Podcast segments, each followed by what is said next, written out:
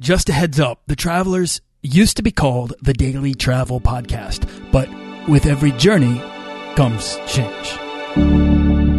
This podcast is produced by Holocene, a community of creative travelers. If you want to get serious about planning that next trip, writing that book, starting that creative project, or launching that business, we're breaking down the barriers between where you are where you want to be together at joinholocene.com. That's join, H O L O C E N E.com.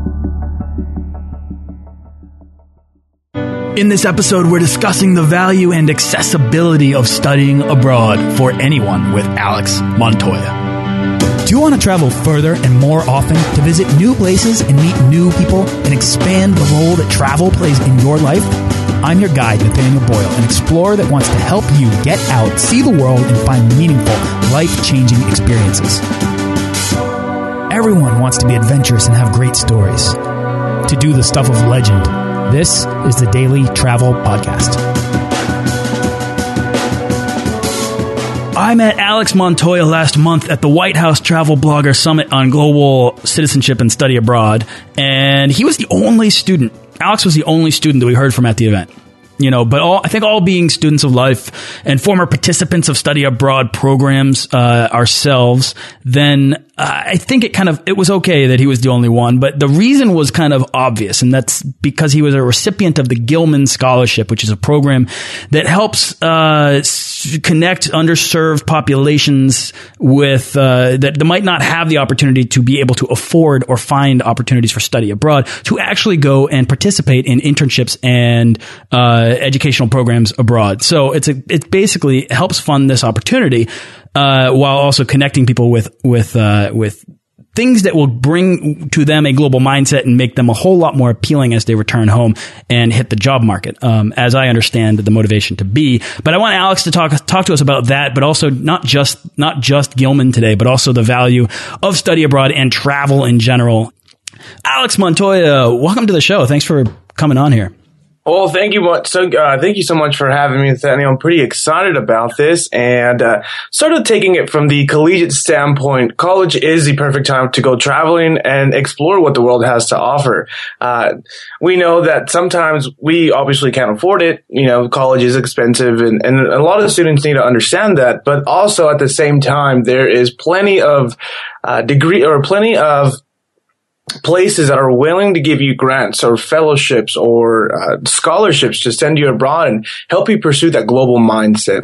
Mm, I love that. And the fact that well, I think once you go abroad, you have the um, a better understanding of from uh, pretty much where you want you come from and where others come from, and just a better understanding of the world you know, very rarely in life can everyone just drop what they're doing uh, and and take off and have that travel experience. I'm on this show constantly trying to highlight examples of people who have made the big decision to make travel a bigger priority in their lives, uh, whatever that means to them, whatever that means to you. Uh, if that just means making sure that you actually take your two weeks, or if that means finding ways to uh, to make it more than two weeks. Um, whatever whatever that is uh, for you. It's different, right? But like in college, particularly when you aren't restrained by certain responsibilities like family or time uh, or uh, or even cost, because we can get into this because of the opportunities that are available for you out there. Uh, I just you know, I mean, it, it like I'm hearing you say it. You're absolutely right. I mean, very rarely in life do you have this perfect time to go out and uh, inform yourself of the world. Yeah, of course. And and not necessarily people I don't believe that people have to leave their university. The university are usually populated with students that are very diverse and multicultural. So if you're if, uh, if for some reason you're not able to study abroad, you can always integrate yourself with students who are not from here. For example, here at West Texas, we're very prideful of having an international campus. Uh, my roommate's actually from India. My uh, best friends are from Turkey, Slovenia, Tur- um, let's see what else, um, Kazakhstan And that wow. in itself, it's it's a it's a study abroad experience. Essentially, you I get to see their perspectives, but that's still not leaving my um, I guess the city that I'm in, and that I think if you want to enrich yourself before you travel, definitely go hang out with someone who's from another country or even from another state. That in itself will enable you to understand and how to, uh, how to connect with somebody uh, who's different from you, and then that will prepare you for the culture shock that you will be getting once you go abroad. It's a big deal. Now, Alex, let's take a step back because I love everything you have to say, and I want to get to the point of understanding where this mindset comes from. Uh, can you just introduce yourself? Tell us more about who you are. Where where did you come from, and when did you get your start traveling? Okay, well, my name is Alex Montoya, and I'm a senior at West Texas A&M University. I uh, originally come from California, and uh, we moved to Texas a while back, so it's good to be in Texas. It's uh, very nice, and I guess I having a global mindset was always a big deal to me. Uh, even since I was a kid, I've always packed my bag and I was ready to go no matter, uh, whenever answer uncles visited, I was ready to get out of there and just go explore what the world has to offer. And, uh, I really didn't get to start traveling once I hit college. After I hit college, I was, uh, I began to understand of what it takes to study abroad. And it actually gave me an opportunity to go since I was sort of multitasking. I was traveling the world along with actually studying for my undergraduate degree. And uh, the first time I actually got to go to Italy, and uh, the program was funded by a few scholarships that I was earned through uh, WT and a couple of them outside of the community. And uh, from that experience going abroad, I understood the importance of actually going abroad and the skill sets that you learn are way more than you'd think. When you go somewhere else, you not only learn about yourself, you're learning about other people, you're understanding these challenges and uh, just a variety of factors that kind of played into it. And coming back, I knew I wanted to study abroad again. So I ended up applying for another scholarship, which is an international scholarship, which is the Benjamin A. Gilman scholarship. And the program or the scholarship itself, it's a, it's a very competitive program. We have over 9,000 students apply every year. And there's a couple qualifications that you have to uh, uh, be a part of before you're able to apply for it. Usually it's for the Pell Grant. So it, the scholarship itself focuses more on minority students and students who don't, don't typically study abroad. So essentially your uh, Latino Hispanics or your African Americans and your um, financially um, needed students. So this this uh, scholarship was sounded perfect to me. After months and months of uh, trying to write a uh, um, uh, pretty much the uh, what is it the service statement and months of waiting, I ended up getting that scholarship. I, I dropped my trip to China since I couldn't afford it. The week later, I ended up getting the scholarship and I was back on track and getting ready to go. But I knew this time it was going to be different since instead of taking it from a student standpoint, this trip was going to be more of a business standpoint when I was in China since it was an internship. Taking that into consideration, I knew this trip, uh, I needed to make it different. So instead of just going and, and trying to figure out once I'm there, I knew I needed to take a step back and really read into the country's history, into the country's politics and current issues. That way, once I'm there, I have a better understanding of who the people are, where they come from, and how they're, when the places that they're going.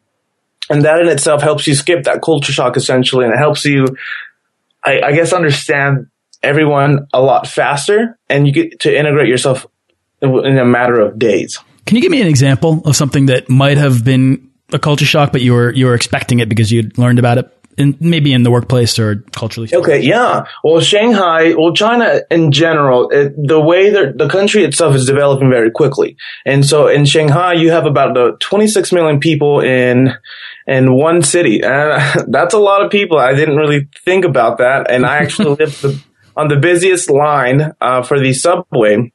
So going to work every day was uh, an experience every time. Uh, you you would always be uh, smothered inside these little trains, and kind of go from there. Um, the culture itself, it's very um, interesting. It, they have a, a very good mixture of modern and traditional at the same time. So walking around the city, walking to to the subway system, you you enter different neighborhoods. You go through the the the more developed neighborhoods, which um, you know they have the high rises, they have all these these um, beautiful courtyards, and once you get closer to the subway system, you have these lower income neighborhoods, and and the way um, pretty much you can see a, a difference between these two economic groups, and and that what that was um, I guess hard for me to see since. Uh, just to see how that, how people treat each other, especially living so close to each other and, and in such a populated city. Um, you would see a lot of uh, craziness going on in the city, whether that was traffic, the the five the five to ten lane traffic, or just the way people sort of attack you because you're from somewhere else. Not necessarily attack, but like, uh, they're very interested in who you are. So they want to take your picture. They want to, you know, most people, if someone approaches you with a camera or just randomly, you know, starts touching your backpack, people tend to freak out and have a little anxiety attack and that can lead to other things. But, uh, brushing up on my kind of understanding of how that culture works. They're very, they, they don't necessarily always see Americans or um, other people from different places. So they're always very interested and they're always taking pictures and, and you kind of have to deal with that after a while. At first it seems kind of odd and then you kind of like it because you know, it just makes you feel, I guess, a, a little special. But after a while, once it kind of gets out of hand when you're in public places, it does tend to get a little more uh, annoying. But, um, you kind of learn to pick it up and just kind of let it go. Yeah, letting it go. I mean, what an important skill I think you learn when you're out on the road. Uh, simply because there's so much you begin to realize that you can't change. And I think that's especially true in places that you can only scrape the surface of understanding, right? Of like decoding. Uh, and, and the, the further you get into it, the more I think you have to just become uh, you have to find your own role in this in different worlds that you, that are completely different from you. Uh, Alex, my question for you though is, uh, you mentioned that you could not afford your trip to China uh, until the scholarship came along and you were actually accepted. Uh, and I'm just curious because uh, did this did this also apply for your trip to Italy, or at what point um, did the opportunity to study abroad for you and your story when did that come into play and become a reality? Like travel to me seems like it sounded like something that was not uh, in the picture for you until these opportunities came along. When, like, when did that happen, and how uh, how did you ever discover this stuff? Okay, so being from the environment that I'm from, we no, don't normally talk about things like this, obviously, because we know, or the the culture that says that where we are, we don't, we won't be able to do such a thing. So coming into college, there's a freshman seminar course that I took with a James or a Dr. James Hallmark, and he is now the chancellor for the A&M system. So he, while he was here, I, I don't know why I got, I got stuck in his class and I thought that was a, it was a nice thing. The fact that we had the, um, kind of the provost of WT as a professor was good enough for our final that year our final was to go to the coffee shop and kind of do and just talk about what we want to do in our college career or even our, our, our, career path for the next however many years. And so we went around and we were talking to uh, each other as students and then our, we, our final, we would talk to the professor and we would tell him what we want to do in, in the next uh, so years and uh, then that was pretty much our final. So I approached him, and then I sat next to him, and then we were just having a conversation. And travel popped up for a little bit, and he himself uh, has been around the world, and he's seen many places, and he highly recommended a, a small university in Florence, Italy, which is called Firenze Arte Visiva, and it's a, it's about a four classroom studio with two professors. And since Dr. Hallmark knew who they were. They knew that these um, professors were very um, willing to accept uh, students, and they're very um, eccentric about their their job. I went ahead. That's when I actually went to the study abroad office and started asking questions and kind of figuring out the numbers of of what it costs to study abroad and what it means to study abroad and how to physically attain that. And so after that conversation we had in December, I, uh, I would say around uh, March or maybe April, I started applying for, for going to go to Italy.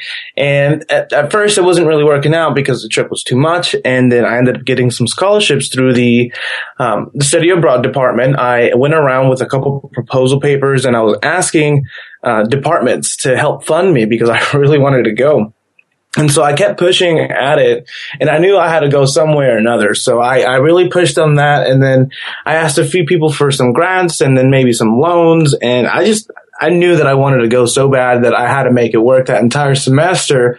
kind of thinking ahead of time, I knew that the trip itself is going to cost a lot of money. Italy itself is a, it's a bit more pricier country than we are. And so I knew that at the beginning of the semester after I talked to Dr. Hallmark, I ended up getting three jobs and trying to had a full time uh, workload and I needed to make decisions that would help me get to where I need to be. and that's sort of how I got to Italy to begin with after uh, struggling for a semester and then try to getting that those scholarships and and then just working hard for it I, I ended up getting to go you know what's really interesting is is that it sounded like in the way you were telling that that the rea- as as this opportunity became more realistic uh, the more your desire grew to actually go. Like all of a sudden, this was a potential thing that you could do, and you were like, "Whoa, I want that. I want that experience. I want all the things that comes from that." And I say on this show all the time, and one of the things that I've I've actually learned from talking to people is that the desire to do something is actually an opportunity to do it, uh, but but one that will pass you by if you just keep putting it off. And clearly, you,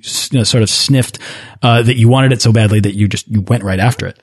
Yeah, yeah, and I feel like that's where a lot of people end up not wanting to study abroad or even get the chance to study abroad. They kind of figure out what it takes to to go, and most people kind of give up in, in, through the middle or the beginning, or don't even try at all because they don't know what it what it means to to I think to study abroad. Once they take that first trip, that that I believe that that they're going to go back and then they're going to pursue more of a global mindset. You know, what was it that's what we were talking about when we were at the White House, Alex?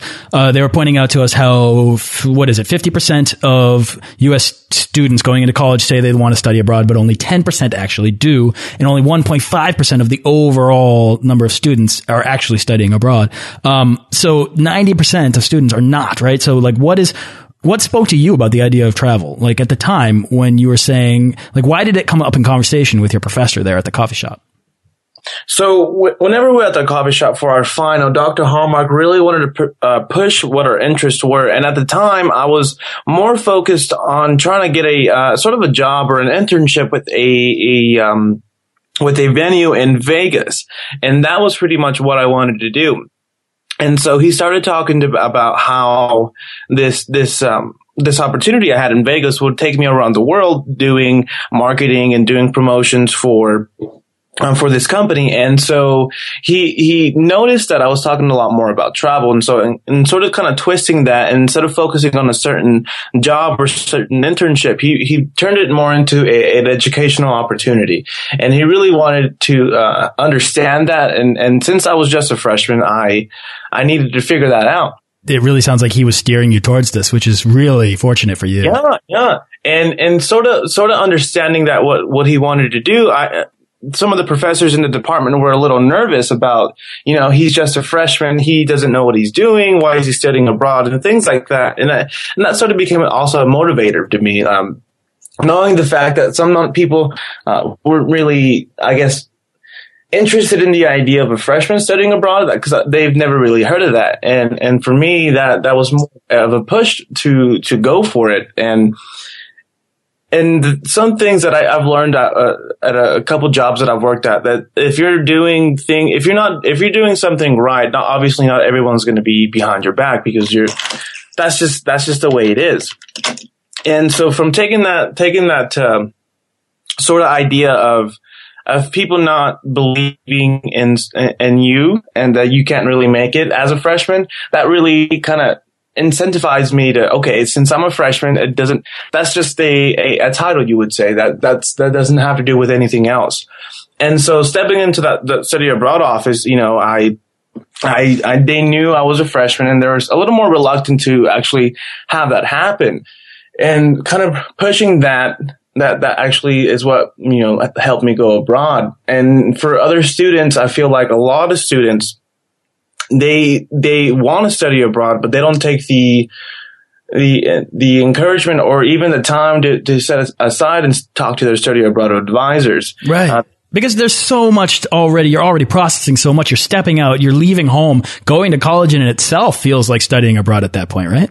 Yeah, yeah. Once you're in college, college, you, you get used to the college setting and you really enjoy that. You enjoy the, the friends that you have. You're starting getting comfortable and you kind of get satisfied in the place that you are, whether you're in a nice dorm or you're a little uh, off campus. It's just depending on your situation, people get comfortable and they don't really think about anything besides that. College in itself is it's an experience and it's a process that takes you uh, four years, but now the at a national average is about five years to get a undergraduate degree. So most students get turned off at the idea of staying a little longer at uh, the university, and so they don't even consider study abroad as an option. I know there's a lot of schools that have been very proactive when it comes to study abroad, and they're actually making their students go abroad for a semester or for a class. And I think that's the way that you kind of get students to actually go abroad. And, and that needs to be more of a, of a bigger topic to be discussed about at a university level. I couldn't agree uh, any anymore. I mean, I think the fact is is that studying abroad and those programs that are there, uh, they like they need to be made apparent at, ad, at, admissions that you have all of these different paths. Like the study abroad, uh, the process should be a part of the admissions process. I think because, like you said, I mean, it really is overwhelming to get into school, but to be to be given this opportunity to be steered towards it so early on in your college career, that's a really lucky thing, Alex. And and, and clearly you don't uh, take that for granted. And I would imagine sitting on a panel at the White House with like Samantha Brown and the president of, of George Mason University and the director of the Peace Corps. I mean, this is like an amazing thing. Uh, not to mention the assistant secretary of state. I mean,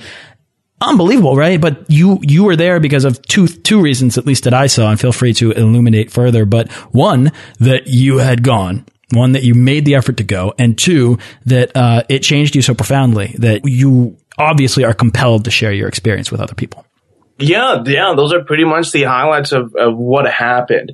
I, one of the biggest things that my friends always tell me, one of my friends from Ecuador, he's always thanking me. He always thanks me so much that I made that, that effort to become their friend. Sort of whenever, when it comes to international students who live in America, looking at study abroad and sort of flipping that from an external to an internal. So essentially students who are coming to America to study abroad it's it, or or even taking it from your perspective from a student in America that wants to study abroad, uh, you you're in a new place and it's it's, it's a different place that you're in. So kind of connecting with individuals who who are from a different place, uh, it's a lot harder to do that. And I think that was one of my motivators. Whenever I came back from China, I wanted to connect with people who were different than me, who understood what it means to study abroad and what it's like so after that, once I started connecting with students like that, I, I understood the value of having friends from different places. But when you surround yourself with, with people who are currently studying abroad, that, that, that study abroad component doesn't end. You know, you were talking earlier about getting support from people and that it wasn't completely common.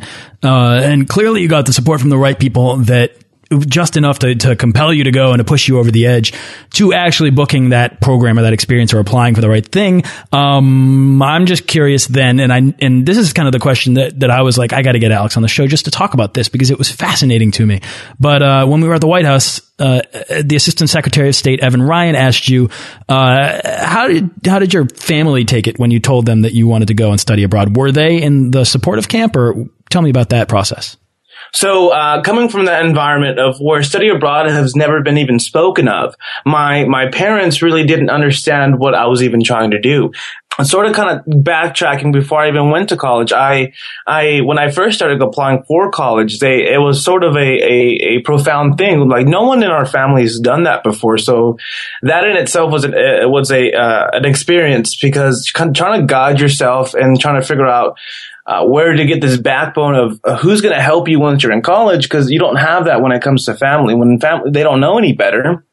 So I I find myself in a whole new place, uh, which is college, and kind of trying to figure that out and explain why I'm going to college or how I'm going to college and why I'm doing it at a, at a certain university instead of a, a community college was um, very questionable enough. And I knew that I didn't want to be just another student on, on the university. So once I, I've decided to study abroad and try to explain that to, to my family, that just became a whole another issue. Like first going to college at a university level or, and then now wanting to study abroad, like that, that blew their mind essentially. They were so, I guess very against it to begin with because they, they were scared of the idea of having me in a different country and sort of kind of just going somewhere and pursuing something and that was, I think that was really hard for them to understand that. And again, the financial issues was a big deal and sort of the safety issues was a big deal and things like that. But I think once they understood the value and the,